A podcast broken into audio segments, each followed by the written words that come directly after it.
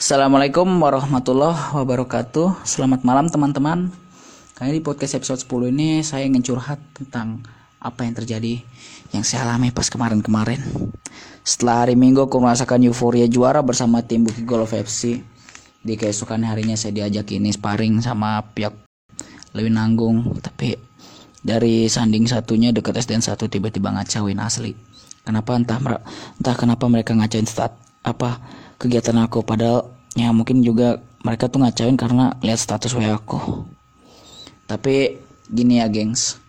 Kalau sesuai yang aku ngomongin di episode 5 episode 6 episode 8 ya kalau bermain kasar itu emang gak ada gunanya.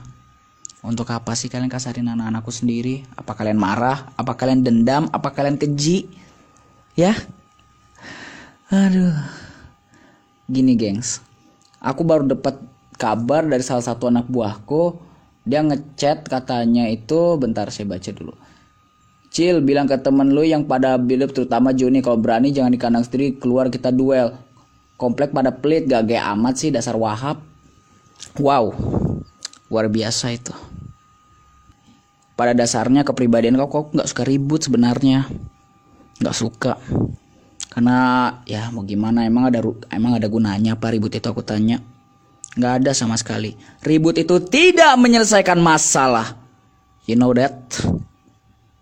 Jadi satu-satunya menyelesaikan masalah adalah kita berjabat tangan minta maaf dan selesai. Lupakan itu semua. Aduh benar. Astagfirullahalazim jadi mau gimana ya tapi kalau misalkan kalian mau minta ribut atau apa saya nggak terima tantangan kalian. Saya memang nggak suka yang namanya ribut.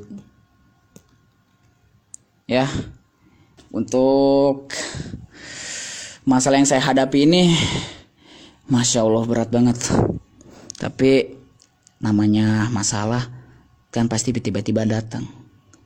Tapi ingat sekali lagi ya ribut itu sama sekali nggak menyelesaikan masalah tapi kalau sekarang lagi pandemi kan berjabat tangan tuh nggak mungkin juga. Tapi yang namanya respect tolonglah kalian peragain kepada orang-orang, terutama orang yang lebih tua, just like me. Ya. Ya udah sampai di sini aja. Terima kasih telah mendengarkan podcast di episode 10 ini dan wassalamualaikum warahmatullahi wabarakatuh.